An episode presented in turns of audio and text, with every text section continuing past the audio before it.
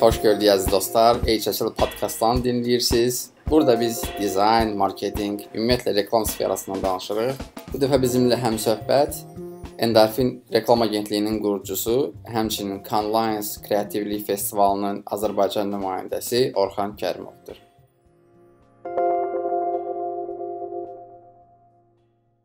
Orxan, səni xoş gördük. Salamlar, xoş gördük Rəsul.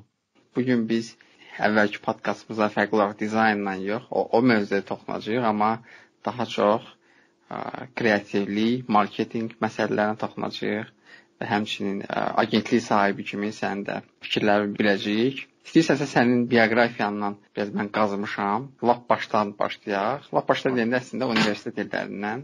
Çünki şəxsən mənim üçün həmişə tədris məsələsi önəmlidir və tədrisin insanlara toxunduğu, verdiyi özəlliklər nədir, onları bilməyə çalışıram. Ə, sən bitirmisən Mingəçevir Türk Özəl Liseyini. Aha. Və ondan sonra yollanmısan Necə İstanbulda ə, İstanbul Universiteti Radio, Televizyon, Sinema fakültəsinə. Bəli.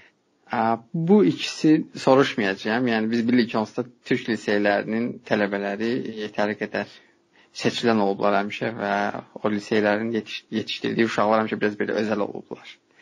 Mənə əsas maraqlıdır sənə İstanbulda o həmin o radio, televizyon və sinemanın verdiyi e, özəlliklər, o sənə nəsə qatdı? Necə idi təəssüratların onunla bağlı? Aa, universitet e, tək qəbul olduğum il 2005-ci il idi. E, sözün düzü o vaxt belə şansımız var idi ki, YÖS yabancı öğrenci sınavı, sözün düzü son e, prosesləri mən izləmədiyimə görə bilmirəm hələ də bu imtahanlar davam eləyir. TCS var idi, bir də YÖS var idi. Bir də Azərbaycanda normal bizim e, girdiyimiz e, imtahan var idi. Mən iki universitet qazanmışdım. Hı -hı. E, bir burada qazandım, bir universitet, bir də orada qazandım. Burada səhv xatırlamla, xatırlamıramsa Qafqaz Universitetinin politologiyasını qazanmışdım. Orada da İstanbul Universiteti İletişim Fakültəsinin radio, sinema, televizyon bölümünü qazandım və e, ani bir qərarla ki, hansı ki pro mənim proqramımda yox idi. Yəni bunu arzuladığım bir şey də deyil idi, amma dedim ki, okey, yəni bu incəsənət maraqlıdır mənim üçün. E, özüm də uşaqlıqdan musiqi ilə məşğul olmuşam. Yəni proseslərin içərisində olmuş bir insanam deyə dedim ki, bəlkə də jurnalist olacağam mən. Elə düşündüm. Yəni bu həvəslə yola çıxdım və 2005-2009-cu ildə, yəni bu bu periodda bitməli idi, amma təbii ki, mən universiteti uzatdım. Uzatdım, uzatdığımın müəyyən səbəbləri var idi. Qalmaq istəyirdim çünki Türkiyədə universiteti uzadaraq daha rahat e, və tələbə olmanın e, özəlliklərindən də e, faydalanırdım. Və bu proses da 2014-cü ilə qədər uzandı, amma keçən e, keçən il yox, bu ilin elə mm, yox, keçən ilin e, noyabr ayı idi. Mən Türkiyəyə getdim, diplomumu götürdüm. yəni, bu qədər uzun müddətdən sonra. Uzun bir müddətdən sonra düz çox da bir mənalı deyil idi əslində. Hətta onun ə, şəklini mən Facebookda da paylaşmışdım, amma bu bir bir növ Mark Zuckerberg olmasam da gedib o Harvarddan sonra götürdü. Onun kimi olmasa da gedib götürdüm yəni e, diplomumu gətirdim ofisdə indi hardasa atmışam bir kənara dur. Çərçivələdi başımın üstə asmağa düşmüşəm. O dövr universitetin sualına geri qayıdım. Universitet mənə nə verdi? Hər zaman deyirəm, fərqli bir e, ölkə və dövr olaraq da belə deyim ki, o dövrün uşaqları olaraq biz çox ə, əziyyət çəkirdik. E, yəni ki, iqtisadi e, proseslərdən, istər təhsildən, istərsə də düzü türk liseylərində mən sən də dediyin kimi kifayət qədər şeylər öyrəndim, gördüm, amma ora getdiyim zaman başqa bir aydınlanma gəldi mənə. İstər musiqi, istər film, istər oxuduğum kitablar, istər e, ünsiyyətdə olduğum insanlar. E, inana bilirsən ki, mən həyatımda ilk dəfə kinoteatra orada getdim. Hı -hı. Yəni e, bu bu bu bu əslində indiki dövrün uşaqları üçün bəlkə də e, qeyri-adi səs görsənə bilər, amma o dövrdə Azərbaycanda bir dənə kinoteatr var idi, iki dənə kinoteatr var idi. Mingəçevirdə oxumuş bir insan üçünsə heç yox idi, yəni. Ə, nə bilim, e, Pink Floyd-dan mən orada, orada tanışdım. Pink Floyd-u dərk eləməyə başladım ki, bu nə deməkdir də başa düşürəm. Yəni bu proseslərdən keçir insan. Və Rəsul mən hmm, bizim bölüm etibarilə mən kino üzrə daha çox ə, irəlilədim. Kino və radio ə, prosesində daha çox ə, işlədim. Düzdür, Türkiyədə mən ə, TV təcrübəm də var. Sinə 5-də ə, bir işim olub, studio şefliyi deyirlər ona. E, və 2010-cu illərdən artıq mən işləməyə başladım. Hansı ki e, production sahəsində kiçik e, qısa metrajlı filmlər e, çəkirdim, e, sənətli filmlər çəkmişəm, kliplər çəkmişəm hansı ki Türkiyədə MTV-nin olan vaxtda o kliplərim orada yayınlanıb, yəni o səviyyədə kliplərdən söhbət gedir. Bir yerə çatdım ki, artıq dedim Tarkan da gəlsə mən bunun klipini çəkərəm. Yəni artıq başa düşmüşdüm ki, bu proses necə olur. Ə, universitet mənə dediyim kimi sadəcə bir təhsil yox, eyni zamanda dünyanı dərk eləməyi və həqiqətən özümü də dərk eləməyi öyrətdi və fərqli düşüncəni. Fərqli düşündüm, eyni zamanda da e, bir çox şeyə hörmət eləməyi öyrəndim. Aydınlandım qısaca. Mhm. Okay, tədrislə bağlı super. Ə, ikinci məsələ sən orada başladın artıq işləməyə. 2009-un artıq mən qeyd eləmişəm ki, DNA Film, Mediasos, Altavia, Decathlon, Mova Marketing Generation M. Bu, bu tip şirkətlərdə işləmisən. Sonradan amma saxlamısan, Bakıya qayıtmısan. Oradakı iş mühiti, o sırf təcrübə idi səndə, yoxsa nəsə yeni bir şeylərin axtarışı idi? Yəni hansı məqsədlə idi? Çox ə, bunun özündə əsas yatan proses universitet illərində pul qazanma istəyi idi. Universitetin son fakult, yəni belə deyim, son siniflərimdə artıq kurs ona kurs deyilir də, düzdürmü? Son kurslarımda mən hiss elədim ki, mən daha çox şey öyrənməkdən ötürü işləməliyəm. Yəni praktika ilə bunu birləşdirməliyəm. Və bu çox çətin idi. DNA filmdə başladığım zaman onların onlara mail atdım. Bilirdim ki, o uşaqlar bizim universitet məzunlarıdır, o şirkəti quranlar. Və qurucusu da Azərbaycanlı idi, hətta İran Azərbaycanlısıdır. Bunu da bir yaxınlıq hiss eləyərək bir mail yazdım. O da sağ olsun mailimə cavab verdi və dedi gəl bizdə intern olaraq başla. 2009-cu il idi, səhv xatırlamıramsa yoxsa 2008. Və mən başladım onlarla, çox həvəsli idim. Production-da dedimi, biraz əvvəl bir çox şey çəkdim, bir çox şey insanlarla paylaşdım. O dövrümdə başladı. Və bir gün bir klip çəkilişində indi Kolpa qrupu indi daha məşhur oldular onlar. E, klipləri hətta bir çox kanallarda gəzir. O onların klipini çəkərkən orada insanlarla tanış oldum. Yenə deyirəm network. Network çox önəmlidir həqiqətən. İnsanlar tanıdıqca e, şans da artır əgər sən istəyirsənsə və müəyyən bir potensialın varsa. Oradakı uşaqlar mənə dedi ki, biz bir agentlik qururuq. Bu arada bunun hekayəsini niyə danışıram? Bu çox önəmli bir yerə gətirəcəm. Biz agentlik qururuq, Mediasos. Hələ ki evdən işləyirik, ofisimiz yoxdur. İstəyirsən sən də gəl qoşul bizə və o zaman da sosial media falan, yəni ənənəvi mediadan əlavə şeylərin də olduğunu gördüm və bu məni həyəcanlandırdı. Dedim, mən ə, bütün bu production işlərimi buraxıram və ə, sizə qoşuluram. Production işləri çox yorurdu məni həqiqətən. Ə, xatırlayıram bir gün Mustafa Sandalın klipini çəkirik. Gecə səhərə qədər bir AVM-də klip çəkmişdik. Gecə işim 9-da başlamışdı, səhərə qədər davam eləmişdi. Və Mustafa Sandalın klipini çəkirdi. Yəni niyə bilmirəm. Belə şey sənətçi kaprizləri, mən Coca-Cola e, Zero sevirəm. Niyə mənə Coca-Cola gətirmisizə qədər belə proseslər görürəm. Gördükcə production məni daha da e, özü iyrəndirir. Production hə iyrəndirirdi çünki Türkiyədəki e, o seriallar var ya hansı ki 2 saat davam edən, dünyada əslində 1 saat o sektorun o problemləri hələ də davam elədiyini də içində hiss eləyərək mən görürdüm ki, e, çox yoruluram. Yəni ki, bu belə iş olmur. Bu bunların təklifi mənə çox xoşuma gəldi. Kadı Kadıköy'ə bir ofisə getmişdim. Ofisdə e, oyun şirkətidir və in, indiki Peak Games.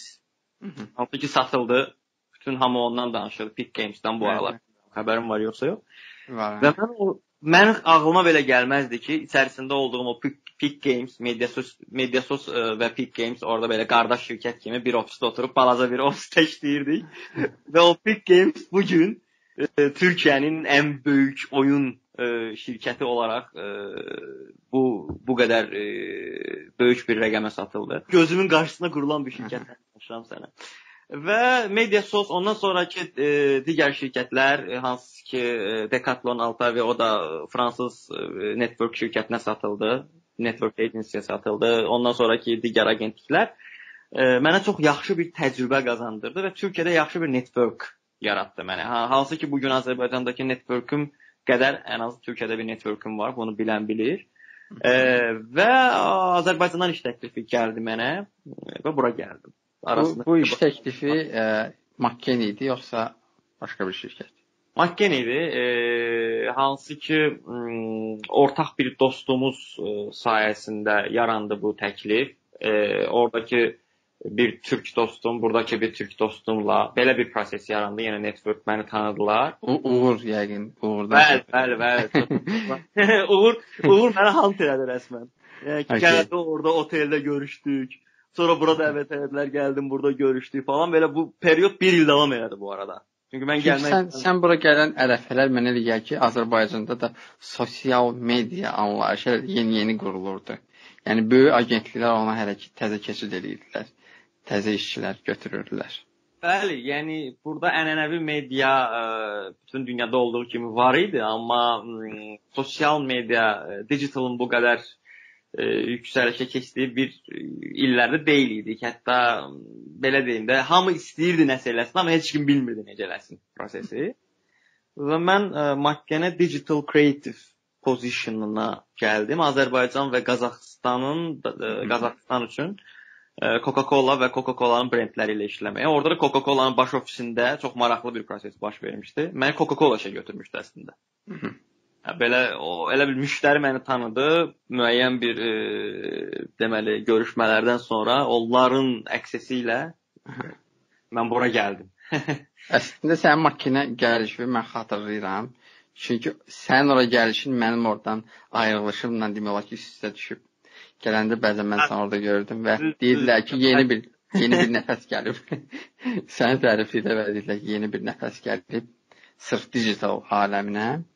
Hə, ona görə yəni o vaxtdan mən xatırlayıram ki, bu proseslər necə baş verib. Elə burdan söhbətə çox uzatmayım. Mən istəyirəm ki, işi bağlayım endorfinə. Çünki sən elə məncə Makkendən ayrılandan sonra endorfini açdın. Və bu keçid ümumiyyətlə necə baş verdi? Sən necə qərar verdin ki, bu sosial media agentliyi qurulmalıdır? Çətin olmadı ki? Maraqlı suallar, heç harda açıqlanmayan Sualları açıqlayıram.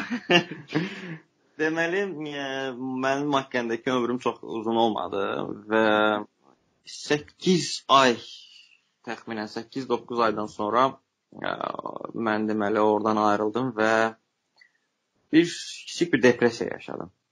Açıq. Açığı, çünki e, niyə belə oldu?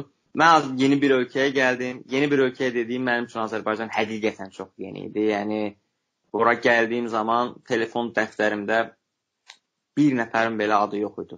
Tam səmimi deyirəm bunu. Yəni ailə və qohumlar kənar, e, heç bir dostum, iş yoldaşım bu mənim üçün çox e, üzücü idi. Çünki yeni həyatımda yeni bir səhifə açırdım. Həm də maraqlı idi. Amma özümə çox güvənirdim. E, 8 aylıq e, proses mənim üçün çox qısa idi və bunu özüm üçün bir feil olaraq saydım. O periodda belə düşündüm ki, mən nəsə etməliyəm. Yəni bazarı çox yaxşı tanımırdım, mənim üçün çox yeni idi. E, bəzi şeylər e, çox qəribə gəlirdi mənə, çünki industri çox fərqli idi də belə deyim, yəni ki.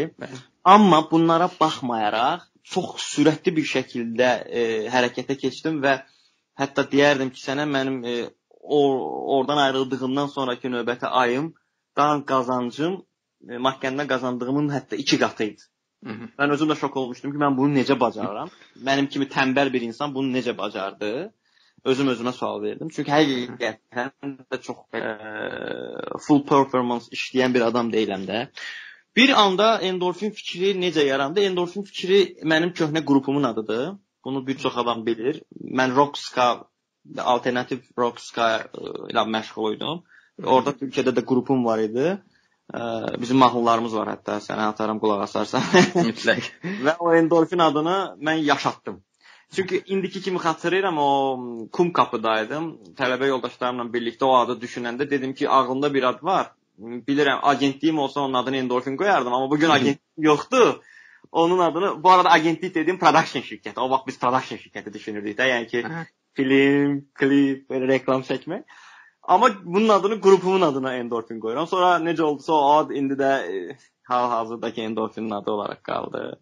Sloqanımız da bir qrup, qrup yaşayır hal-hazırda həmin o musiqi qrupu yoxsa? Yox, təbii ki, yaşamır. Çünki e, o qrupdan sonra mən biraz daha fərqli DJ-liklə məşğul oldum, bla bla, amma o o qrupdan ki musiqi ilə məşğul olan yoldaşlarım Türkiyədə artıq e, individual olaraq öz layihələrini icra elədilər. Çox yaxşı da uğurlu insanlardır həqiqətən. Amma qrup yox, qrup yaşamır. E, sadəcə o qrupdan bizə xatirə qalan mahnılar oldu. Endorfin belə quruldu Rəsul. Yəni bir e, dekabrın 18-i biz təsis elədik e, loqosunu falan. Hətta endorfin loqosunu Orxan hazırlamışdı. Orxan Məmmədov. Tanıyırsan yoxsa yox. Orxan Məmməd yəqin.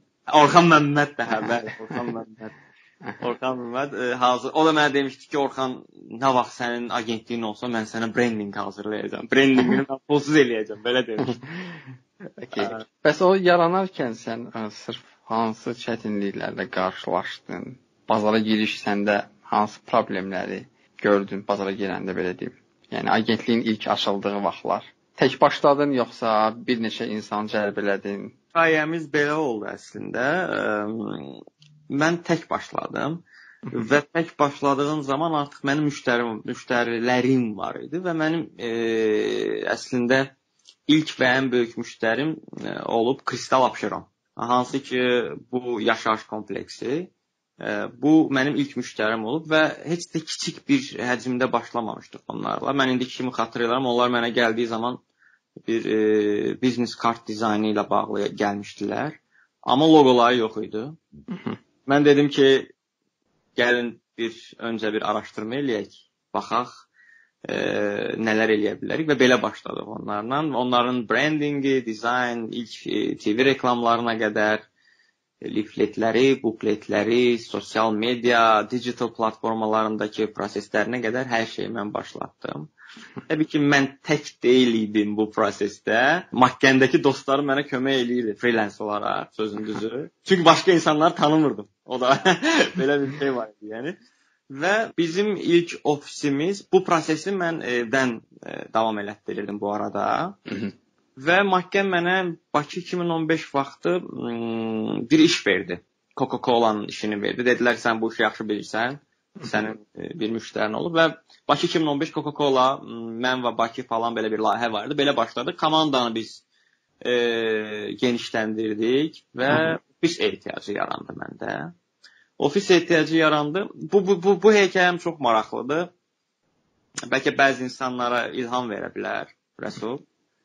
Mən Makkəndə çalışdığım vaxt e, deməli bir maaş alırdım. O maaşın 3də 1 hissəsini anamın təklifi ilə ə, yığmağa başladım. Qadınlar arasında lotereya keçirirlər, lotereya. bəli, bəli. mən ayda ayda 500 manat e, bunu mən təklif elədim ki, dedi ki, yığaq bu pulu. Və bu pulu niyə yığırdım bu arada? Onu da deyim, maşın almaqdan ötürü. Mən niyə maşın alacağam onu da bilmirəm və o pulla nə maşın alacağam onu da bilmirəm. Bir ilin sonudur və artıq e, 2000 yığdığım, o pulu yığdığımın e, sonu gəldi 2015-ci ilin iyun ayına, may-iyun ayları səhv xatırlamırsam. Anam gəldi dedi ki, pulum hazırdır. Özdə ən sonda götürən oluram da, belə ki, ən sonda götürüb və çıxdım o vaxt Baksovetdə qalırdım. Çıxdım balkona və aşağıya baxdım maşınlara. Dedim ki, mən bu pulla nə ala bilərəm? Birincisi, ikincisi alsam da mən bunun içərisinə tökəcək benzin pulum olmayandan sonra mən bunu nə edirəm? Dedim, ofis açacağam.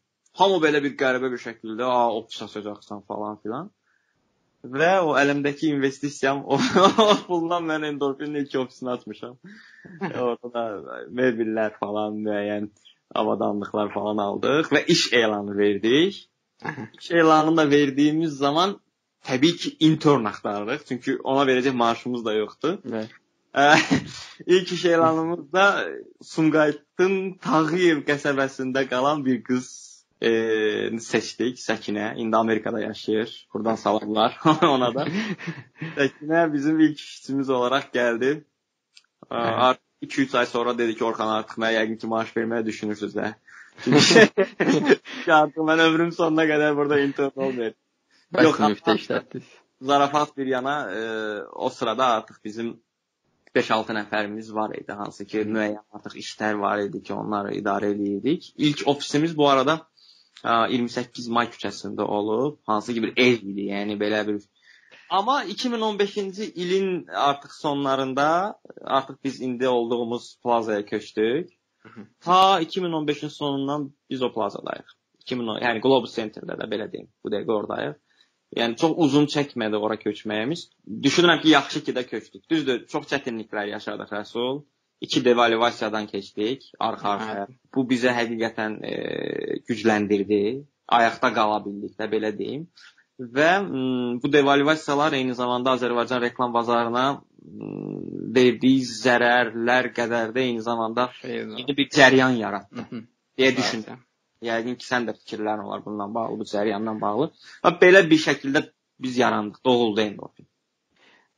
Mən bir şey maraqlıdır məsələn agentliklə bağlı, endorfinlə bağlı ki, endorfin əslində bazara belə deyək, güclü girmişdi və düşünürəm ki, sırf sosial medianın idarə olunmasında bir ad eləmişdi. Yəni hardasa nəsə kimsə post paylaşırdısa ki, məsəl üçün bizə sosial media agentliyi lazımdır. Yəni sosial ə, e, hesabla aparan bir ə, e, yer lazımdır. Mütləq orada endorfini 3-4 nəfər ən azı təq edirdi. Yəni bazara yaxşı girmişdi. Bizim yolumuz belə deyim, ikinci əvədə kəsişdi. Mən artıq kapitalda işləyəndə 2016-17-ci illərdə ki, ə, mən artıq yarım il işləyəndən sonra sosial medianın idarəsi ilə bağlı sizlə əməkdaşlığa başladı Capital Bank və o orada Günel xanım deyirdi ki, ə, müzakirələrdə ə, o endorfin 360 agentlik olmaq qarşısına qoyub, yəni sırf sosial media ilə yox, bundan sonra 360 işlər, yəni digər işləri də götürəcək üzərinə, hansı ki, məsəl üçün branding olsun, production işləri olsun və s. Necə düşünürsən? Hazırda endorfin üzərindən sırf sosial media agentliyi imicini atıb 360 ə, imicini yarada bilib bu sahədə? A, bu yaxşı sualdır. Mən biraz əvvəl də dedim ki, əslində biz başladığımız zaman mənim ilk müştərim Kristal Abşeronla zaten biz 360 dərəcə bir iş gördük həqiqətən. Hətta mən səhv xatırlamıramsa onların ilk TV-sinin media planninginə qədər biz e, vermişdik. A, sosial media mənim e, güclü və bilgili tərəfim olması ilə birlikdə unutmayaq ki, mənim bir e, production tərəfim də var, hansı ki biraz əvvəl o İstanbul illərimdə ondan danışdıq və oradakı agentlik təcrübələrim üstünə gələrək ə, məni hər zaman həyəcanlandırırdı ki, biz e, hazırlayaq, kontent hazırlayaq, özümüz hazırlayaq, özümüz prodüs eləyək bunu və müştərilərimizin bütün ehtiyaclarını qarşılaya bilək. Bu söz gəlişi deyilən bir söz deyil. Bu gün də bunun bir çox örnəklərini görürük bazarda, hansı ki biz 360 dərəcə xidmət göstəririk deyib, amma həqiqətən 90 dərəcədən o tərəfə keçə bilməyən agentlikləri, amma 2017-ci il 2017-ci il biz trans transformasiya qərarını verdiyimiz zaman burada müəyyən artıq bir yol keçilmişdi, müəyyən bir komanda formalaşmışdı və bir data üzərindən ə, bizdən gələn requestlər və biz nələr veririk hamısı artıq hesablanmışdı. Və bir agentliyin e, deməli 360 dərəcə xidmət verməsi üçün ən önəmli şeylərdən biri onun həqiqətən içərisindəki personalının da o təcrübəyə malik olması deməkdir. Yəni agentlik bunu vəd edirsə, həqiqətən də etməlidir. Doğrudur. Öz işləri ilə də bunu ortaya qoymalıdır. 2017-ci ildən başlayaraq biz həqiqətən çox ciddi işlər görməyə başladıq. 2017 fevralında şirkət 40% böyüdü birdən-birə artıq biz Paşa Holding və Paşa Holdinqə aid şirkətlərlə çalışırdıq. Qlobal müştərilərimiz var idi. bizə güvənirdilər. Milli Olimpiya Komitəsi var idi bir tərəfdən, hansı ki 2016-cı ildə onlara çox uğurlu bir Rio 2016 layihəsi eləmişdik. Bu bu bəlkə də həm endorfin sosial mediada gördüyü işləri çox yaxşı göstərirdi, həm də digər işləri də bərabərində gətirirdi. Belə bir qərara gəldik ki, gördüyümüz işləri, yəni biz göstərək həqiqətən yəni belə deyim, e, servislərimizi göstərək ki, məsəl üçün bu günləri Endorphin ə, e, branding and design e, işləri görürsə onlar nələrdir? Biz onları yayımlamağa başladıq. Bu günlərin biz həqiqətən BTL və event olaraq nələr görürüksə, biz onları göstərək, onları yayımladıq. Digital zaten bəlli idi. Media sayəsindəki işlərimiz və saytımızda da bu gün əgər ə, girib baxacaq olsalar, görmək olar ki, biz sadəcə müştərilərimizin loqolarını yox, eyni zamanda o loqolara klik edildiyi zaman o müştəri hansı işləri gördüyümüzü göstəririk.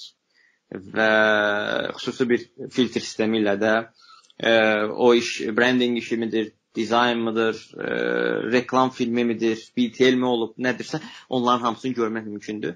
Bu 2017-dən ta bu günümüzə qədər davam edən bir prosesdir və ən önəmlisi də Rəsul Bu gün Azərbaycanda sırf bir kanal üzrə fəaliyyət göstərib, məsələn, sosial media ə, üzrə fəaliyyət göstərib və bu qədər ə, böyük, peşəkar bir komandanı bir arada saxlamaq mümkün deyil. Yəni bu komanda sosial mediada bizim artıq bəlkə də 30-40%imiz olub.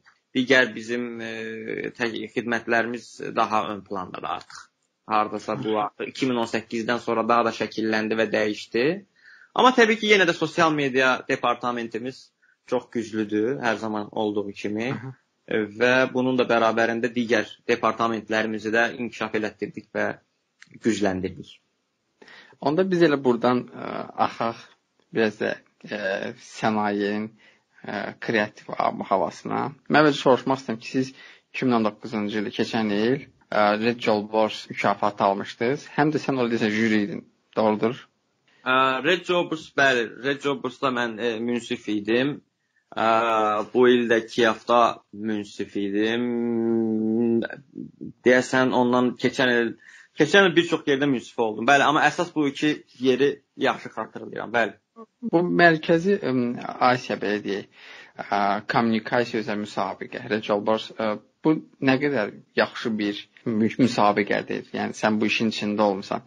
Mən düz onu çoxdan izləyirəm. Yəni bəlkə də bir 5-6 ildir ki, izləyirəm o müsabiqəni və bilmirəm, yəni onun nə qədər keyfiyyətli olması, bizim bu Asiya ölkələrinə üçün nə qədər aktual olması necə düşünürsən? Burada bura üçün vacib bir müsabiqədir. Orada iştirak etməyə dəyər, yoxsa ə, sadəcə O da Asiya ölkələrinin bir müsabiqəsi olsun deyə yaradılmış bir şeydir. Əslində e, bu, bu bu geniş bir sualdır. Mən bunu çalışacağam ki, qısaca özətləyim.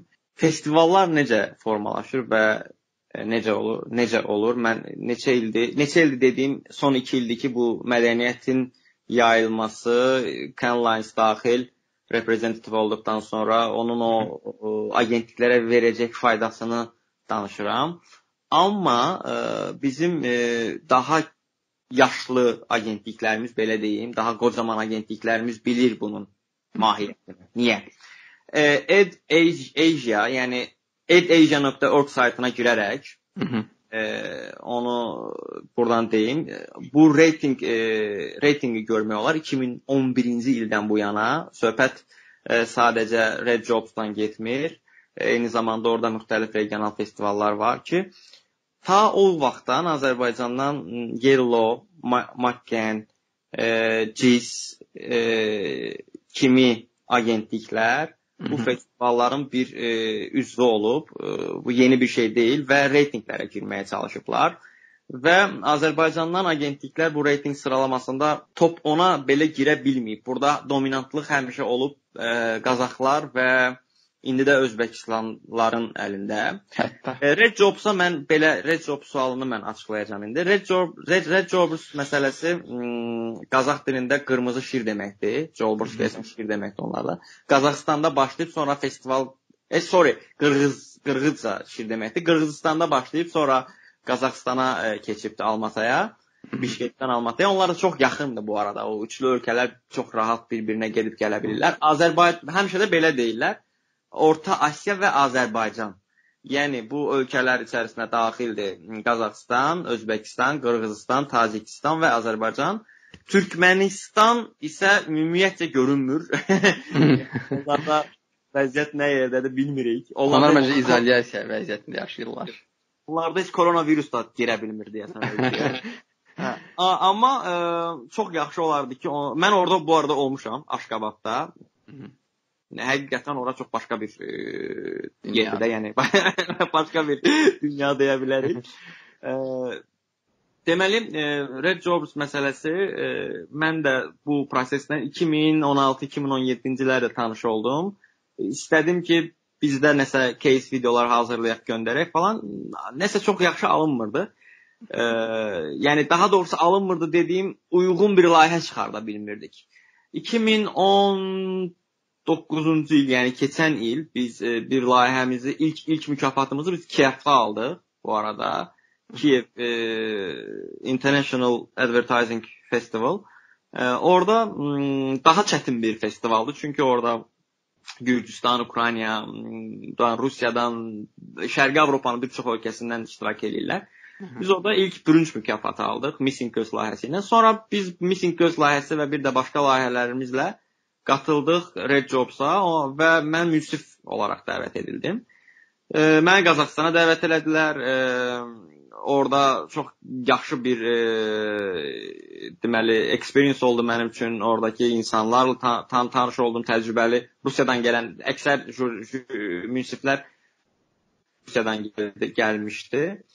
e, və bunu da qeyd edeyim e, ki, əgər siz e, münsifsinizsə və sizin işiniz o festivalda iştirak eləyirsə, e, siz öz işinizə səs verə bilməzsiniz. Ə, sizin işiniz short listə qalırsa və münsiflər otağında bu dəyərləndirilirsə, iş sizin işə gəldiyi zaman sıra siz çölə çıxırsınız, otağı tərk edirsiniz, səs vermə olur və sonra təkrar geri qayıdırsınız. Yəni bunu demə, deməkdə fayda var çünki bu önəmli bir prosesdir. E, bu Cannes Lions-da da belədir bu arada. Hmm, yəni bütün dünyada festival ə, e, etikası deyə bir şey var da. Yəni münsif ola bilərsiniz, amma təbii ki, öz işinizə səs verməz, verməyəcəksiniz. Aydın məsələ. Hansı ki, bu iki hafta da baş verdi bu proses. Ə, və m, belə deyim, e, Red Jobbers-un əhəmiyyəti Azərbaycan kimi, yəni bizim kimi bir ölkədə, ölkə üçün önəmlidir. Niyə? Çünki birinci özümüzü biz regional festivallarda isbatlamalıyıq. Hı -hı. Və biz regional festivallarda özümüzü isbatladıqdan sonra, ə, deməli, biz ə, biraz daha ə, böyük regional festivallara keçə bilərik. Yəni bunu necə deyə bilərəm? Burada da sadalayım istəyirsən. Biz Red Jobbers'a small regional festival deyə bilərik. Yəni kiçik regional festival. Hı. Bu kiçik regional festival nədir? 5-6 ölkənin qatıldığı festival. Red Jobs'dır, ondan sonra Kiev'dir, Silver Mercury'dir, e, nə bilim Wow Down Awards var, o da Ukraynada keçirilir. Bunlar Hı. small regional festivallar sayıla bilir. Big e, regional festival olaraq biz e, Golden Drum-ı Sloveniyada keçirilən. Red Apple-ı Rusiyada keçirilən, White Square Belarusiyada keçirilən, Ad Black-sini e, Gürcüstanda keçirilən Batumidə bunu biraz daha big e, regional festival olaraq saya bilərik. Prestij və çətinlik baxımından mən bu arada sıralayıram bunları. Kontinental olaraq ə, dəyərləndirsək, Eurobest var, Cannes Lions-ın şəmsiyyəsi altında belə deyək və Spikes Asiya ə, Singapurda keçirilən bir festival var. Bunlar kontinental festivallardır. Hansı ki bunların bunlar daha ə, önəmli və çətin ə, festivallardır və qlobal olaraq və çox prestijli olaraq ə, saysaq Cannes Lions təbii ki, e, və Epica e, bunun içərisinə daxil edilə bilər. DNED Londonda keçirilən e, festival dizaynın dizayn burada çox önəmli bir rol oynayır. E, və və bu arada e, o da Cannes Lions qədər tarixi bir festivaldır.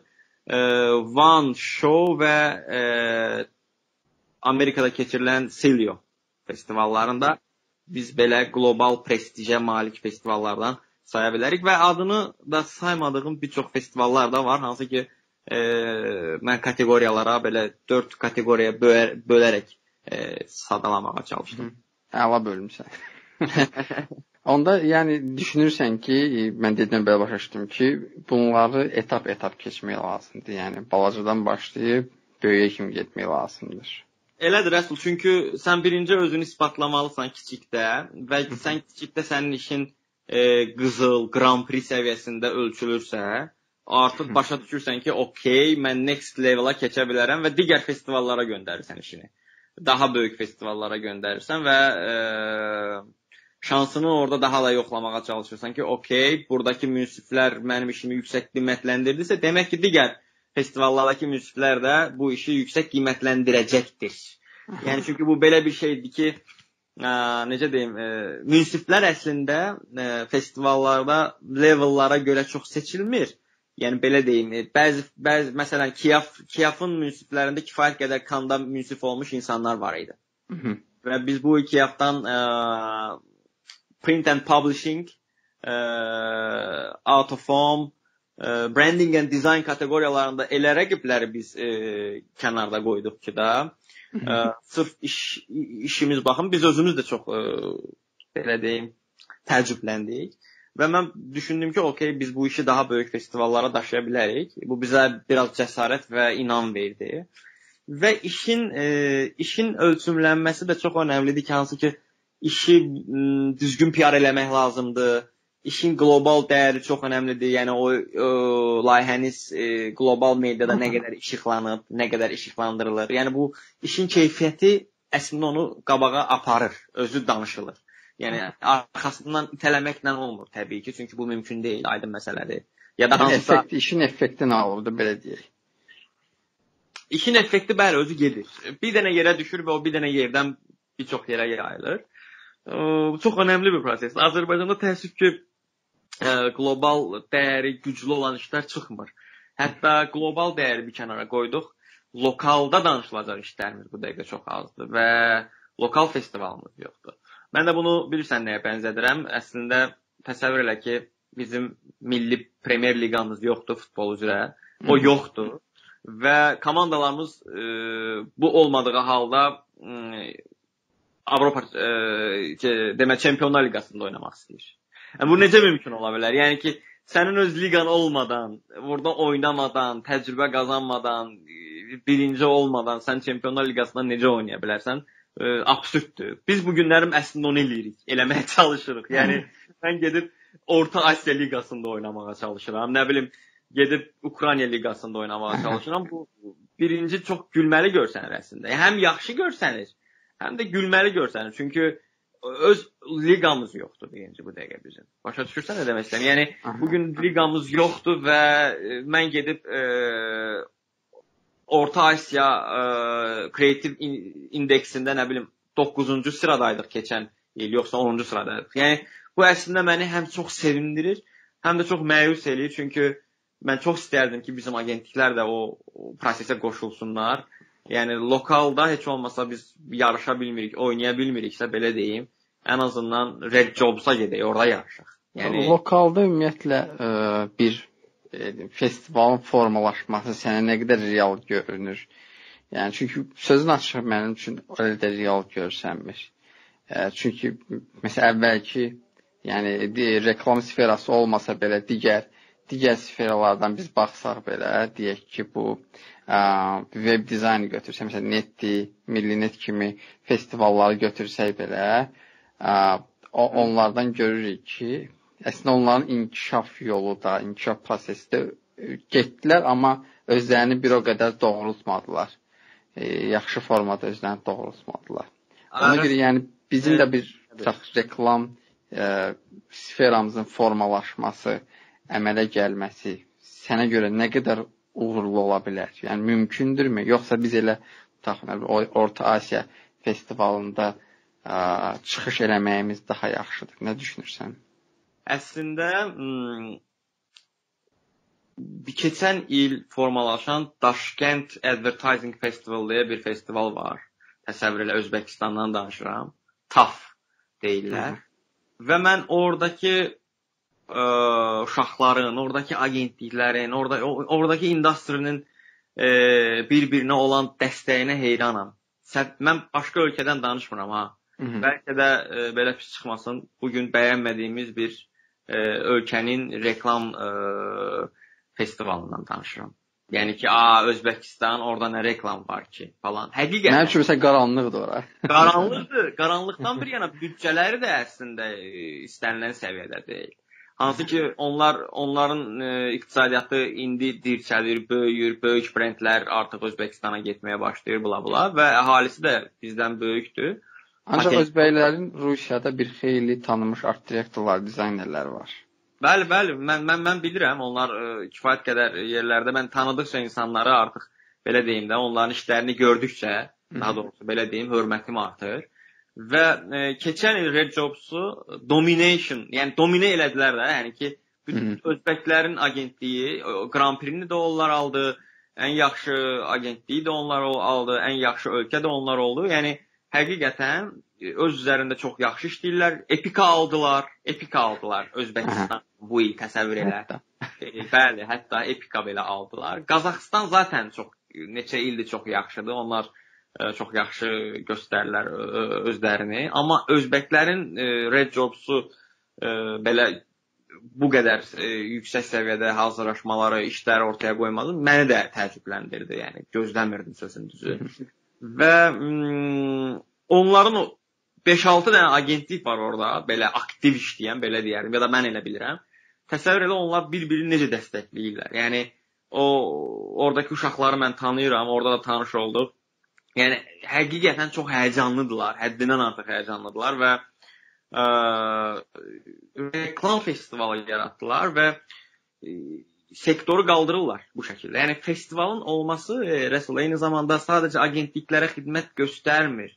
Yəni bu müştərilər müştəriləri də hərəkətə keçirdi. Başa düşürsən? Təbii yəni, ki, onlar onlar da bir-birinə yarışa keçirlər.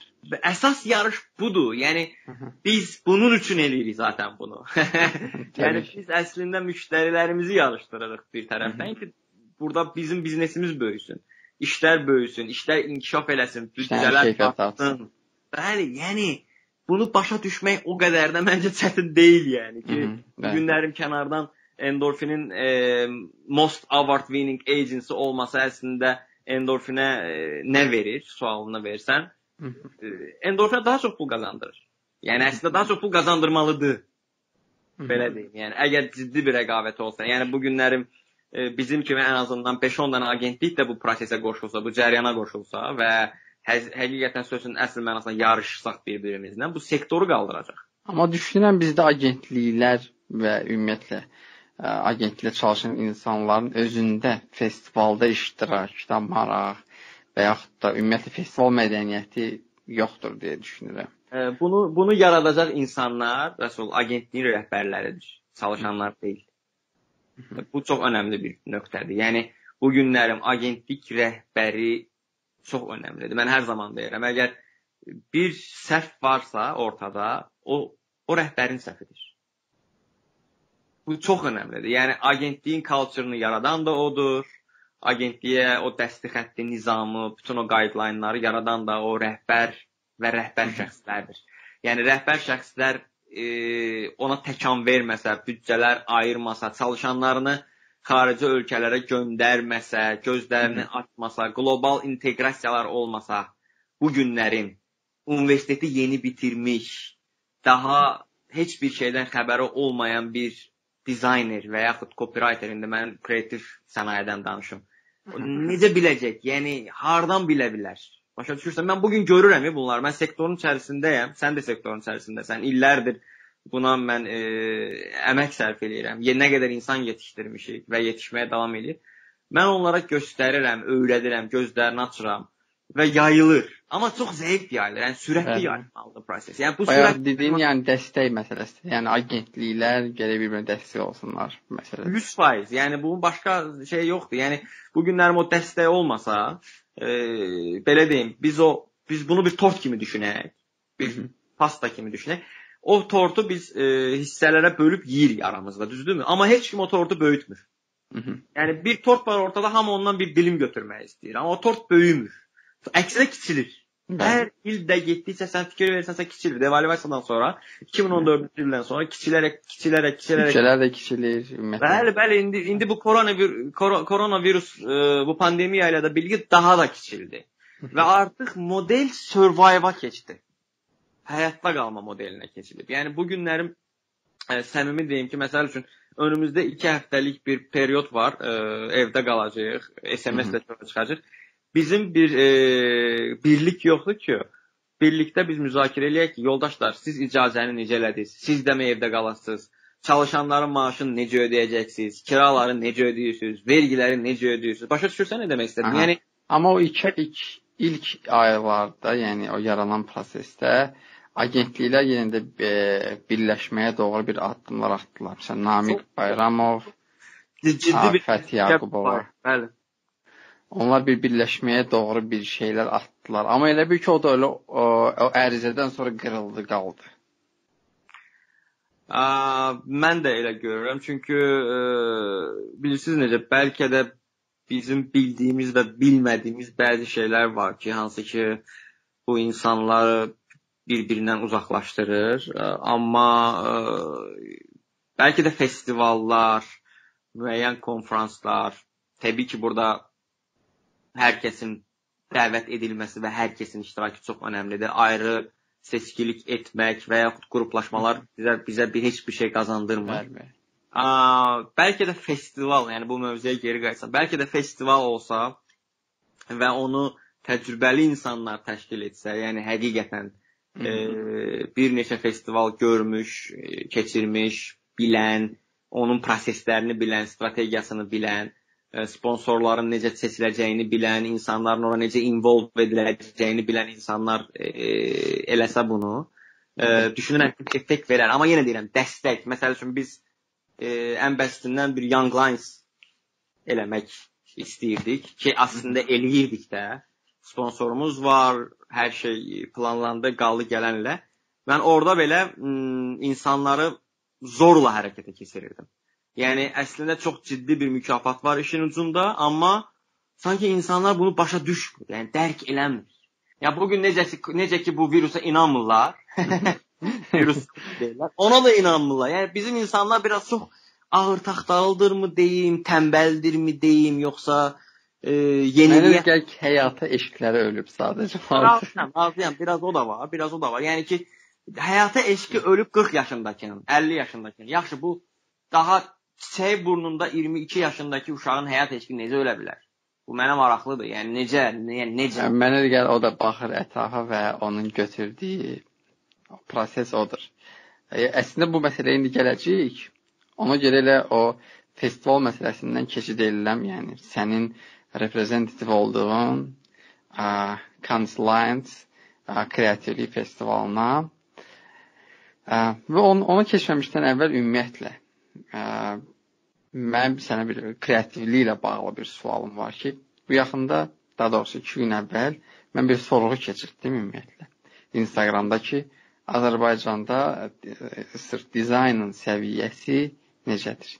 400 nəfər səs verdi o belə sorğuda. Fərqli-fərqli adamlar, yəni dizaynerlər də var idi, müxtəlif sferlarda var idi. Və ə, o iki variant var idi, yaxşı, pis. 400 nəfərdən 250 nəfər verdik. Səs verdi pis, 150 nəfər səs verdi yaxşı. Yəni 60-ın 30-a bir nisbət var hardasa. Bu da vəziyyətin necə yaxşı olmadığını göstərir. Və yaxud da kreativliyi götürsək. Sən ümumiyyətlə hazırda bazarın öz kreativliyini necə dəyərləndirirsən? Məsələn, mənə görə bizim bazar ə, hələ ki kreativliyini yaşaya bilməyib, o kreativ dövrünü. Əslində potensialı var, ə, böyük bir gücü var. Ə, yetəri qədər belə deyim. Avropa sayağıdır. Yəni bizim bazar elə ə, üçüncü dünya dövlətinin xas bir bazar deyil əslində. Yetəri qədər moderndir, innovativdir, amma o kreativliyə çıxa bilmir elə bil ki. Bu kreativliyi çıxışda sən hansı ə, fikirlərin var, yəni necə çıxa bilər, hal-hazırda vəziyyət necədir və sənin o reprezentativ olduğun kreativ lines və yaxud da keçirmək istədiyiniz young lines nədir və bazarın kreativliyinə necə təsir edə bilər? Bu sualları birləşdirib belə bir ümumi bir cavab versən super olar. 2018-ci ildə Adobe bir e, sorğu keçirirdi Kanda. Mikrofon tutulan şəxslərdən biri də mən oldum təsadüfən. Mənə sual verdilər ki, bəs sizcə ə, creativity nədir? Yəni çox əslində qəliz bir sualdır. Hı -hı. Və mən dedim ki, bu tamamilə azad ə, azad azad düşüncədən gələn bir şey deməkdir.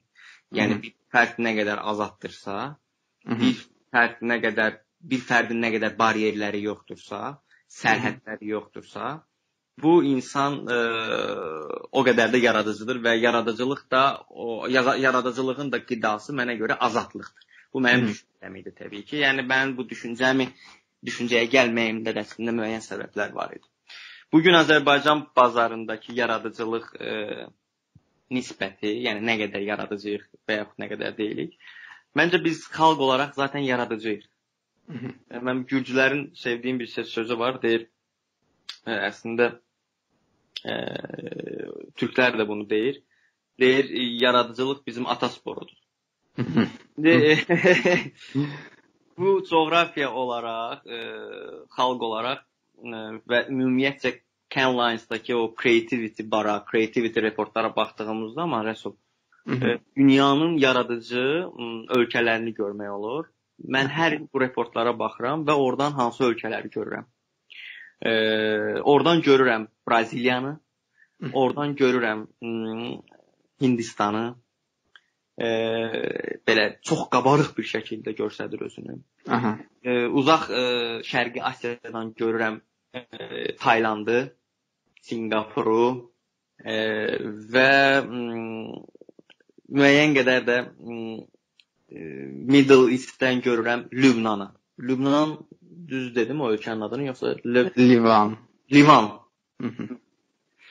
Ee, Avropa və fikir verdinizsə Şimali Amerika haqqında bir şey demədim. Çünki o ölkələr iqtisadi olaraq çox güclüdülər. Təhsil, e, onların e, sənayesi çox inkişaf edib və 1960-cı ildən artıq onlar o parlaq dönəmlərini yaşayıblar. E, müharibədən onun üçün yetişiblər də belə deyək. Bəli, müharibədən sonra artıq Amerikada reklam sənayesi heç olmadığı qədər çox güclü idi və e, artıq insanlar daha lüks, daha e, komfortlu bir həyat yaşamaq istəyirdilər və buna bunlara da yetəcək pulları var idi. Söhbət Amerikadan gedir. A, və bir çox e, agentliyin də qurucusu bilirsən, Yahudi idi. Hı -hı. Və bu gün o agentliklərin e, saatçı olsun, saatçı saatçı, Grey bunların hamısı e, Yahudi biznesmenlər tərəfindən quruldu. E, mən 1960-cı illərdən danışıram. Onlar artıq öz devrimlərini elədilər. Öz dəstək xəttlərini gətirdilər xətlərini gətirdilər. Qonşu olaraq dəyərləndirsək Rusiya və Türkiyə, onlar da bizim kimi e, Sovetlər, e, daha doğrusu Rusiya Sovetlərin tam bir mərkəzi olmasına baxmayaraq onlarda ümumiyyətlə o Mosfilm kino sənayesi olsun, istər dizayn olsun, branding sahəsi olsun, hər zaman çox yaxşı idi və o ölkənin də böyüklüyü və iqtisadiyyatı inkişafa apardı. Türklər də onun kimi e, istər kino sənayeləri olsun, istər musiqi, istər incəsənət inkişafdaydı daimi və production olaraq da çox sürətli inkişaf elədilər həm də Avropaya çox ucuz iş ixrac edə bilirdilər. Belə deyim, bir növ Avropanın platosuydular. Necə ki bu gün Ukrayna e, production e, şirkətləri bu çox güclüdülər. E, Gürcüləri gələcəm bu arada bizə gəlmədən də. Gürcülər də son 4 ildir ki bu partlamanı yaşadılar. E, buna da ən böyük səbəblərdən biri Canlines oldu. Onların ayağı açıldı Canlines-a, qısaca belə deyərdim. Çünki sözün əsl mənasında sən də çox yaxşı dedin. Bizim potensialımız bir çox ölkədən çox yaxşıdır iqtisadiyyatımız da. Yəni gürcülərlə heç müqayisə belə etməmək lazımdır da. Yəni bu gün bizim bankların marketinq büdcəsi, onların bəlkə də 5 bankının, bir bankımızın marketinq büdcəsi, onların bəlkə 5 bankının marketinq büdcəsinə bərabərdir. Onlar bu büdcələri eşitdikləri zaman şok olurlar zaten. Yəni bizim bu günlərin qlobal brendlərlə işləmə şansımız onlardan daha çoxdur. Amma adamlar daha azad fikirlər ortaya qoya bilirlər və azadlıq e, ölkədəki iqtisadi və siyasi vəziyyət sənin kreativitini e, necə deyim sənə türklər demiş tətikləyir ki, sən onu eləyəsən. Yəni düşünürsən ki, azadlıq, kreativliyi azadlıq təyin edir. Yəni başda dediyim cümləni çox açdım e, və bu günlərim gürcülərin də bu qədər e, az yaradıcı olmalarının səbəbi son dövrdə onların ölkəsində baş verən proseslərə də gətirib çıxarda bilər. Yəni ən yaxın nümunəyi verməyə çalışdım. E, bir tərəfdən Ermənistanı izləyirəm.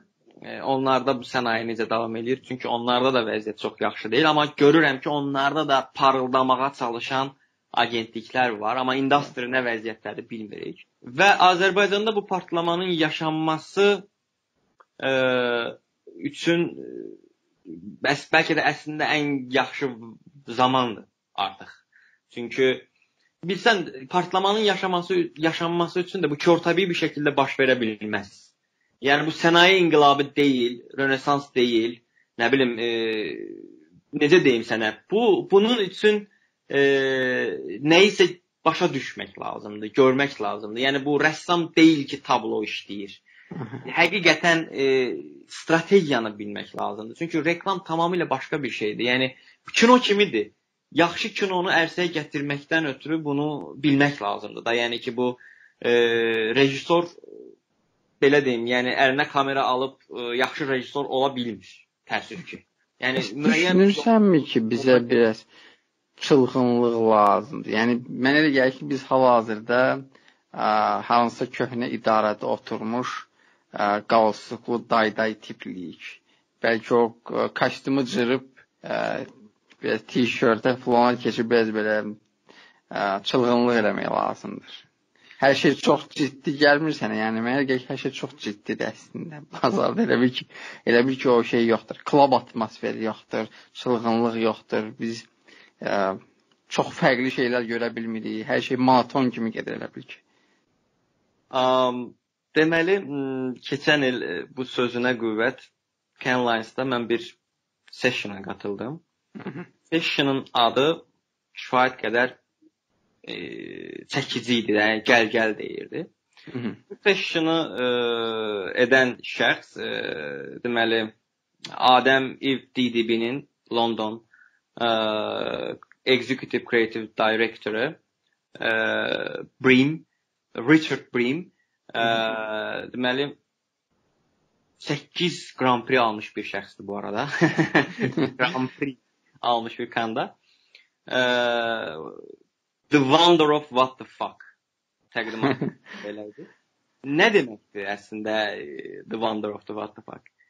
Burada çox bir cümlə deyəcəm, sadəcə bu kifayət eləyəcək. O deyir ki, insanları hərəkətə gətirən, insanları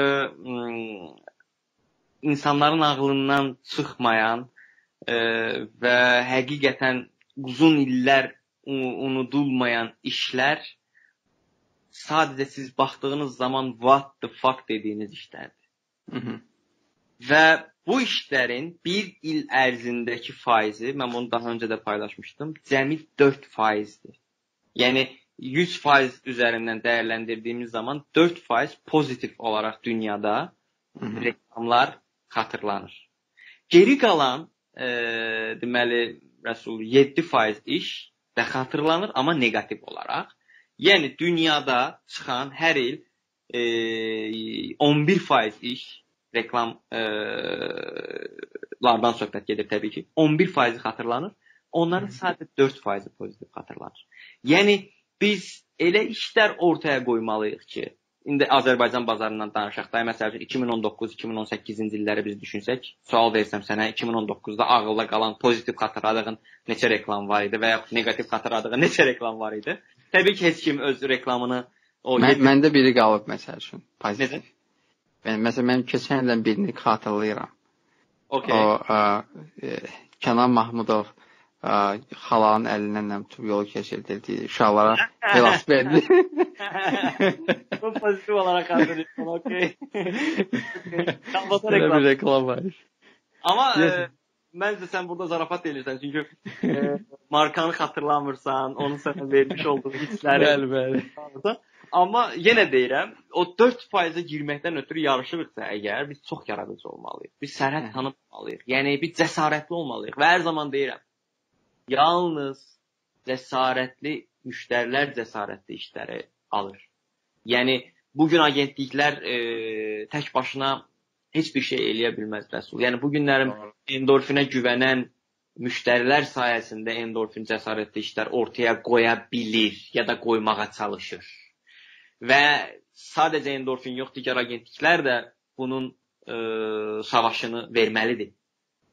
Sadəcə başımıza aşağıya salıb, "Okay də müştəri belə istədi" deyib keçmək olmaz. Yəni okey bu gün bizim bir biznesimiz var. Bu gün biz e, elə bir yoldayıq ki, çox çətin bir yoldayıq. Yəni e, bəlkə də kimlər tərəfindən heç respekt edilməyən bir sektordayıq. Həqiqətən çox ağır da olsa bunu deyəcəm. Amma bu bu, bu yolda e, bizim e, çox ciddi sözümüzü deyəcək e, və həqiqətən bütün e, bu e, industrinin, bizim müştərilərimizin bizdən aslı olduğunu e, hiss etdirəcək şəxslərə e, və agentliklərə ehtiyac var. Mən belə düşünürəm. Yəni bu günlərin o o o, o yaradıcılığı göstərmək lazımdır ki, artıq e, o o savaşı vermək lazımdır. Yoxsa işlər çıxır ortaya, sual veririk həmkarlarımıza Deyirik ki, yoldaşlar, bu iş niyə ortaya çıxdı? Cavab gələn cavab belə olmamalıdır. Nə bilim, biz biz belə düşünməmişdik, bunu müştəri düşünmüşdü. O zaman sənin e, effektivliyin, sənin gücün hardadır?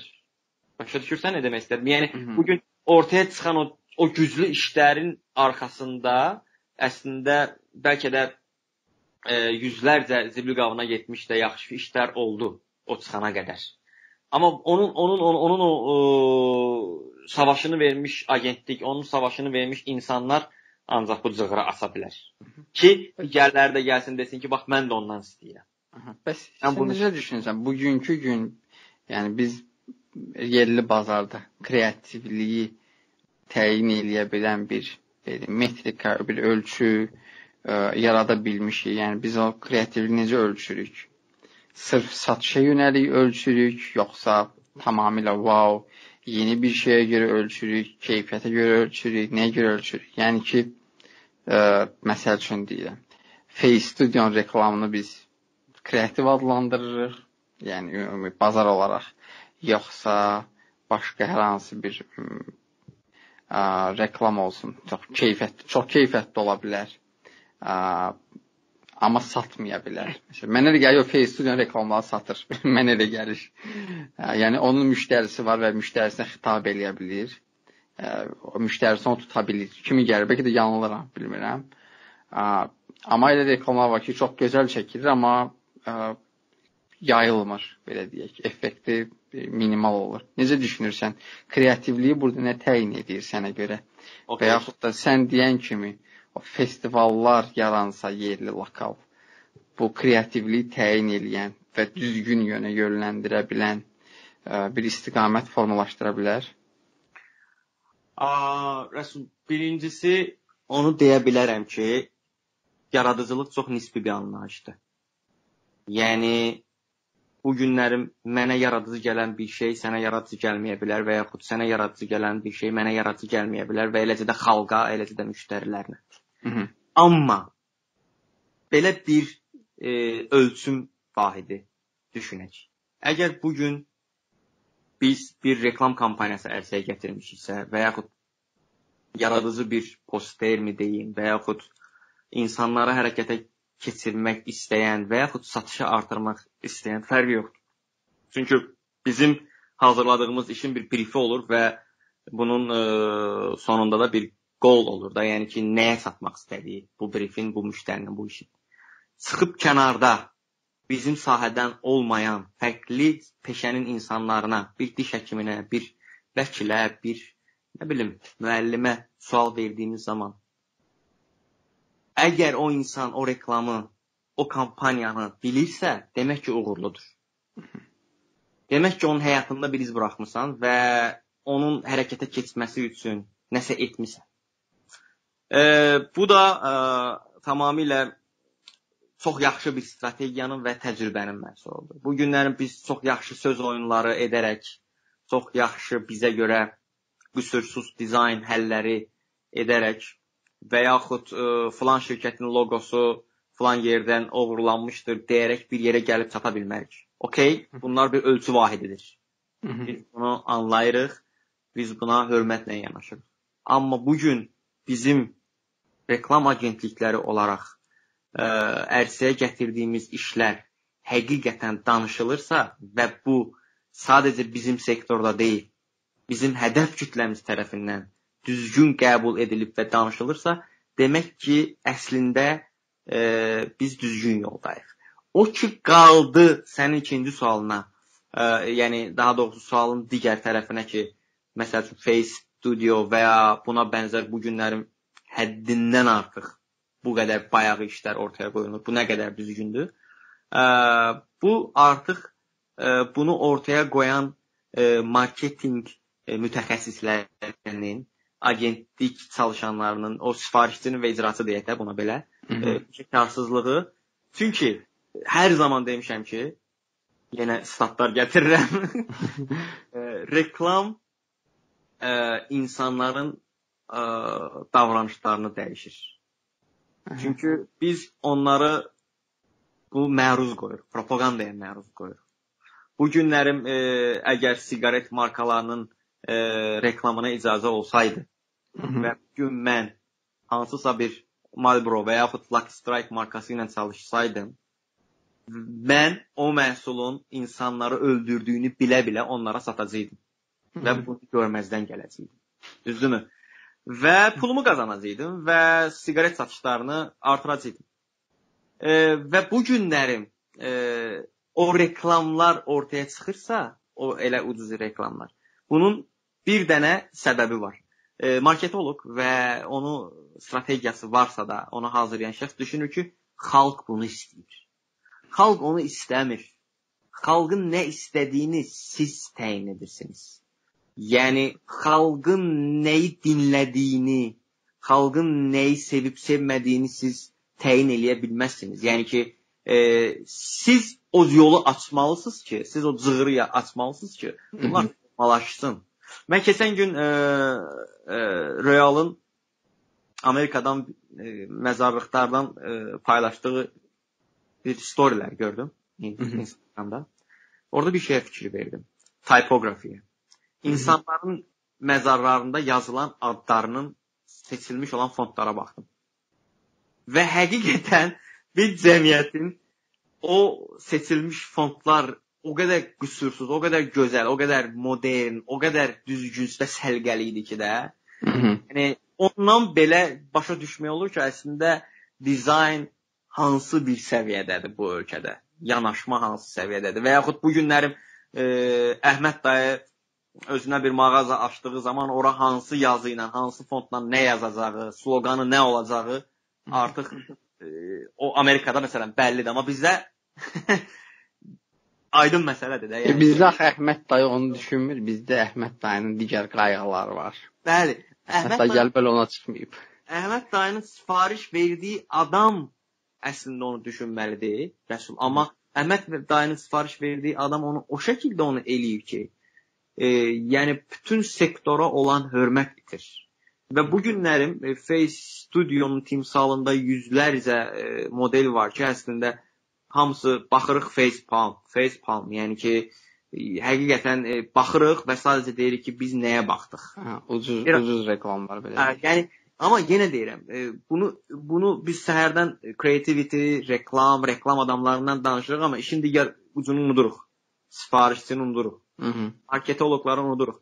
Keçən gün e, Kiyafın e, reklam e, deməli festivalın sonunda e, Grand Prix qazanmış agentlikdən bir çıxış dinlədim. Deyirlər ki, bu ölkədə çox yaxşı yaradıcı beyinlər var. Amma bu ölkədə çox yaxşı marketoloqlar yoxdur. Hı -hı. Bu çox önəmli bir cümlədir.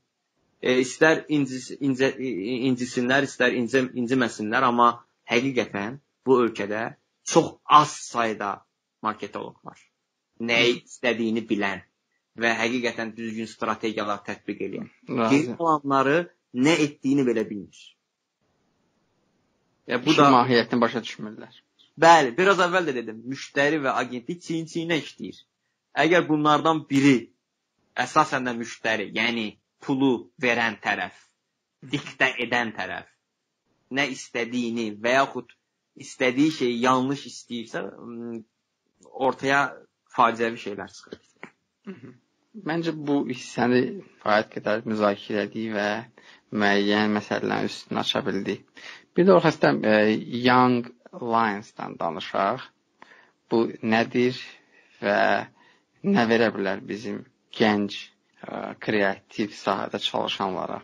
Sən bu gün çoxlu suallar, çox önəmli sualları seçmişsən Rəsul. Əslində çalışdım maksimum. Düşün ki, bu, bu, bu, bu sahədə qədər bizə qulaq asan olsa, həqiqətən ona eşq olsun. Birinci onu deyim. e, Young Lions sualın belədir ki, Azərbaycanda ilk dəfə ə, təşkil edəcəydik biz bunu. E, Topazın dəstəyi ilə sağ olsun bir çox sponsorlarla görüşdük və onlar inandı. Hı -hı.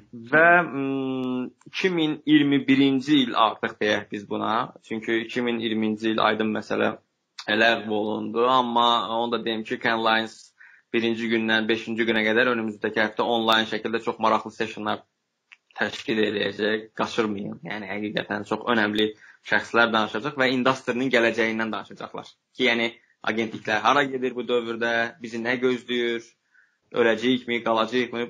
Bunların hamısı müzakirə olunacaq. Hə. Və e, Young Lions məsələsində belədir ki, Young Lions qısaca belə deyim, festival içində festivaldır. Bütün böyük festivalların istər ım, Epicası olsun, istər Golden Drama olsun, bir çox festivalın Young Lions Call olur. Burada 30 yaşına çatmamış gənclər iştirak eləyir və müəyyən bir brifi, müəyyən bir e, vaxt ərzində ərsəyə gətirib verməlidirlər. Hackathon kimi. Hackathon və şey düşünək. Adətən 24 saat e, vaxt verilir və 24 saat ərzində e, müştərinin vermiş olduğu brifi ən yaxşı icra eləyən, yəni ən yaxşı dediyim münsiflər çünki dəyərləndirir. O da qalib seçilir. Biz bu illərim e, Azərbaycanda lokal festivalımızı keçirmək istəyirdik ki, oradan qalib gələn iki kateqoriya üzrə couple-ları, yəni bir komandada 2 nəfər olur. Biz e, kana aparaq, onların bütün accommodation'ını, bütün e, xərclərini qarşılayaraq festival biletinə qədər bu da çox ciddi bir pul e, eləyir. E, e, bunların hamısını qar bir nəfər üçün 7-8 min manat eləyir bu arada belə deyim. E, toplamda 4 nəfər oldığı zaman ciddi bir rəqəmə gəlib çıxırdı. Ora aparaq həm orada o festival boyunca orada yesinlər, içsinlər, gəzsinlər, əylənsinlər və eyni zamanda e, bir növ bir work and travel kimi də, yəni experience qazansınlar, bir aydınlansınlar. Çünki mən ilk qatıldığım il ciddi bir şəkildə aydınlanmışdı. Dünyanın necə yaradıldığını öyrənmiş qədər və onlar da o şoku keçirsə keçirəcəkdilər. Yəni o çox şanslıdılar. O çox şanslı 4 nəfər deyəcəm mən onlara. Və print və film kateqoriyasını seçdik. Dünyanın ən belə də, yəni ilk ənənəvi reklam modeli, yəni ən qədim deyərdim və bu gənclər, bu mütəxəssislər arasında keçirilən bu müsabiqə 2 nəfərdən ibarət komandadan olacaqdı. 24 saat və 48 saat, 24 saat print kateqoriyasında, 48 saat film kateqoriyasında onlara veriləcəkdi. Dediyim kimi, festivalın münsiflərinin ilk səhv xatırlamıramsa printi açıqladıq. Hətta çox yaxşı orada münsiflər də var idi. Hər biri e, kifayət qədər təcrübəli e, və müxtəlif ölkələrdən seçilmiş insanlar. Filmi də açıqlayacağıq, daha açıqlamadıq. Çünki vəziyyətlə bağlı. Uzun sözün qısası belə, yəni məqsədimiz e, yəni ümumiləşdirsəm məqsədimiz sektorun e, gözünü açmaq və əgər biz bunu uzun müddət davam elətdirə bilsək, düşünürəm ki, bir 3 il, 4 il sonra sənin o dediyin o creativity partlamasını da bəlkə yaşaya bilərik hətta. Yəni bu sırf Azərbaycana aiddir. Yəni başqa ölkələr burada iştirak edə bilmirlər. Azərbaycan festivalında yox. Bu lo lokal festival, yəni bütün lokal. ölkələr iştirak eləyir. 80 ölkə qatılır. Hər kəs öz lokal festivalını keçirdir, öz ə, qaliblərini göndərir finala. Biz ümid edirik ki, bu proses başlar. Çünki mənə gəlir ə, yəni belə festivallarda iştirak etmək. Mən özüm bir dəfə iştirak etmişəm festivalda. Düz Rusiyada idi, balaca festival idi, amma oranın mənə ötürdüyü təsirat çox böyük olmuşdu və oradakı ab hava məncə təsir etmişdisə, yəni adam belə deyim, çox həvəsləndirir, çox motivasiya verir. Sən çox fərqli şeylər görürsən və özün fərqli e, fikirlər yaratmağa çalışırsan, e, ətrafındakıları fərqli fikirlərlə bölüşməyə çalışırsan. Yəni belə festivallar adamın fikrini açmağa, sən deyən kimi aydınlatmağa çox kömək edir. Sonda mən istədim ki, Orxan, soruşum sən özünü nə ilə qidalandırırsan? Yəni öz kreativliyini nə ilə qidalandırırsan? Filmlər, kitablar, musiqilər. Əslində, e... yəni kitab olaraq tövsiyə edə bilərsən və film olaraq deyə bilərsən ki, ə, deməli, yaradıcılıq qidalanma məsələsini həmişə belə deyirəm və tövsiyə edirəm. Mən öz yaradıcılığımı başqalarının yaradıcılığına borc, başqalarının yaradıcılığına borcluyam. Hı -hı. Çünki ə, biz elə bir dünyada yaşayırıq ki, ilhamlanırıq və ilham veririk. Hı. Bunu istəyərək və ya istəməyərək şəkildə baş verir. Hı -hı. Tövsiyə məsələsini mən həm sevirəm, həm sevmirəm nə baxımdan? Çünki e, insanların qidası bəzən çox spesifik olur və məsəl üçün deyək ki, e, bu podkastı dinləyən e, dinləyicilər sırf Orxanın qidalandığı şeylərdən qidalanım, mən də onun kimi olum deməkdənsə əslində öz yollarını tapmalıdırlar. Amma ümumən belə bir e, məsləhət verə bilərəm ki, e, həddindən artıq mən araşdırma edirəm. E, həddindən artıq. Və bunu bir lifestyle şəkilə gətirdim. Yəni ki, bu mənim e, işim yox, artıq həyatımın bir parçası olub. Məsəl üçün yolla gedəndə, maşınla gedirəmsə harasa və yaxud bir şey görürəmsə, e, nədənsə avtomatik olaraq onun içərisində bir iş görməyə başlayıram və yaxud hansısa müştərimi o prosesin içərisində adaptasiya edirəm. Deyirəm, "A, bax bu bundan çox yaxşı fikir çıxardı və bu fikri mən bu müştərimə necəsə təklif eləyə bilərdim" deyirəm. Hı -hı.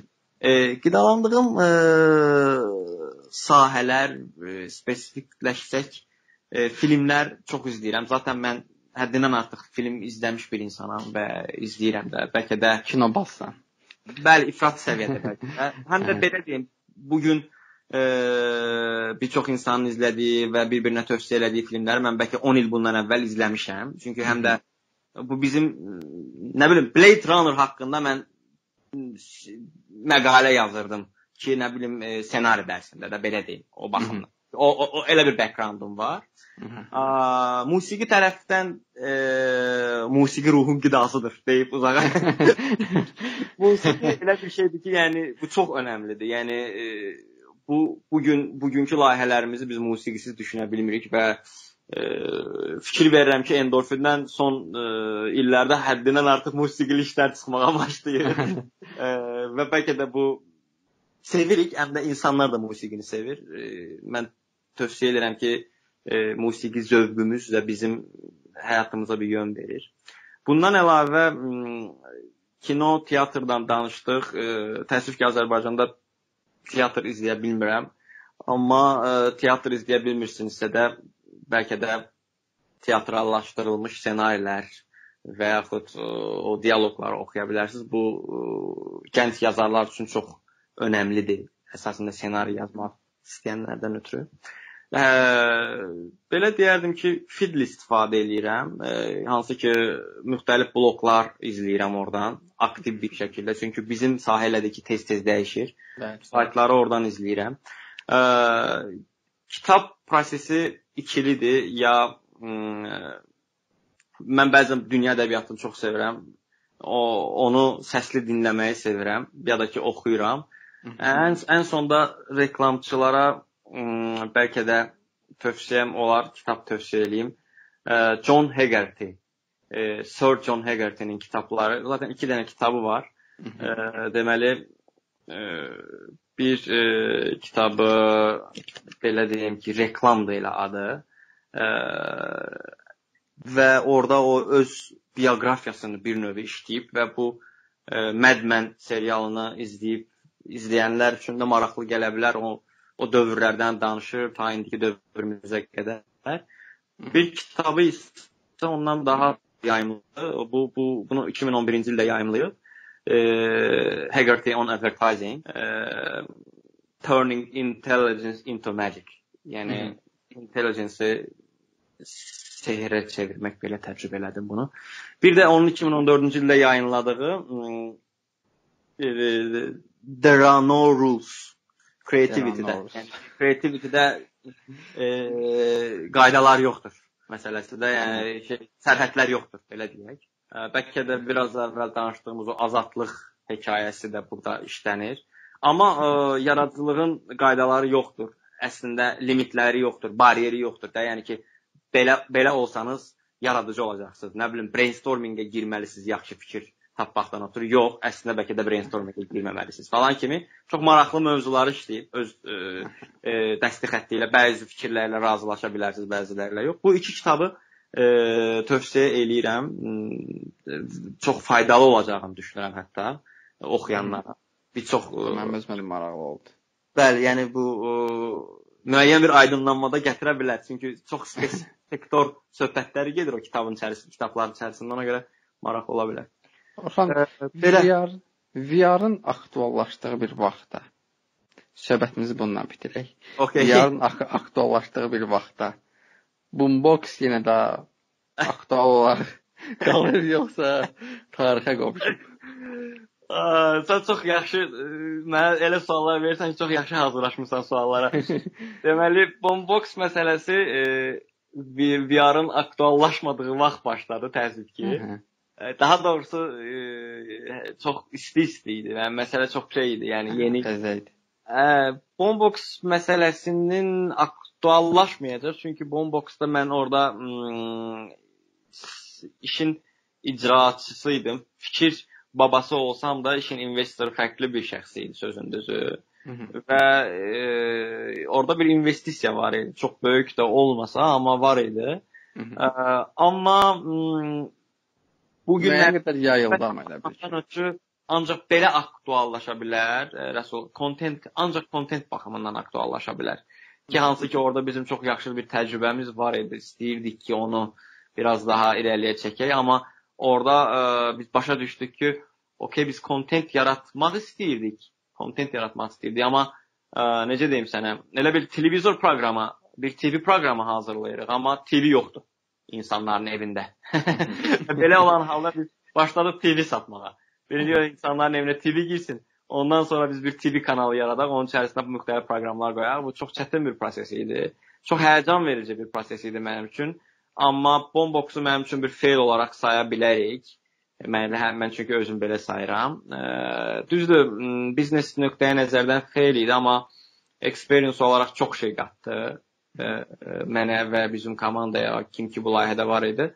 E, və virtual reallıq e, indi həyatımıza elə bir şəkildə girir ki də, yəni e, mən düşünürəm ki, e, çox yaxın illərdə artıq biz səninlə Məsəl üçün e, virtual eynəklərimizi taxacağıq bəlkə də. E, səninlə o virtual reallıqda görüşəcəyik. Sosial media profillərimiz artıq e, bu şəkildə yox, bu formatda olacaq. Bu virtual formatda olacaq, bəli. E, e, səhv xatırlamıramsa Apple-da artıq bir eynək e, Aha, bəli, bəli. çıxartmaq istəyir bazara. Düzdür, orada bir augmented reality söz e, orada ondan danışılacaq. Əsas mövzusu odur, o eynəyin, amma virtual reallıqda da yəni Oculus kimi bir dünya divi var, belə deyək, onu da Facebook aldı özünə qatdı. Yəni onları da gördükdən sonra e, bir startap olaraq belə deyə bilmərəm mən Bombox-a da bir şey deyə bilmərəm Bombox haqqında. Hələlik kitabını bağlamısınız. Qatdığı xoş təcrübə və e, təcrübəni deyə bilərəm ki, yəni belə bir təcrübəmiz oldu. İndi də kifayət qədər e, VR videolar və yaxud VR e, kontent yaratmada təcrübəmiz var, belə deyərdim. Super. Orxan, e, yekunda mən sənə təşəkkür edirəm. Məni qəşəng yetəri qədər maraqlı oldu və vacib nöqtələrə toxuna bildik ki, mən də özümdə bir xeyli qeydlər apardım ki, bunları da ə, səndən gələcəkdə müzakirə edəcəyik və növbəti qonaqlarımızla da müzakirə edə biləcəyim nöqtələr var. Sənə təşəkkür edirəm. Vaxt ayırdın. Bir xeyli söhbət elədik. Xoş idi. Mənə mənə də həqiqətən xoş idi və bir an gözümdə canlandırdım ki, çox yaxşı suallar e, hazırlamısan həqiqətən. E, təşəkkürlər və kaş ki bizim bu dialoqumuz çox bir kütləyə çata. Əslində niş bir kütləyə çatmalıdır. Bizə lazım bir kütləyə çatmalıdır və onlar da müəyyən bir e, ilhamlana bilər və yaxud müəyyən bir e, necə deyim, buradan bir şeylər öyrənərsə bizim üçün çox yaxşı olardı. Və bu bunu qarşılıqlı belə bir e, session şəklində, təbii ki, bu qədər uzun yox, çox danışdıq, amma e, belə bir live formatda da keçirməyə çox istəyərdim. Bu günə qədər belə bir arzum olmayıb, amma sırf səninlə bunu eləmək mənə maraqlı gələr yəni.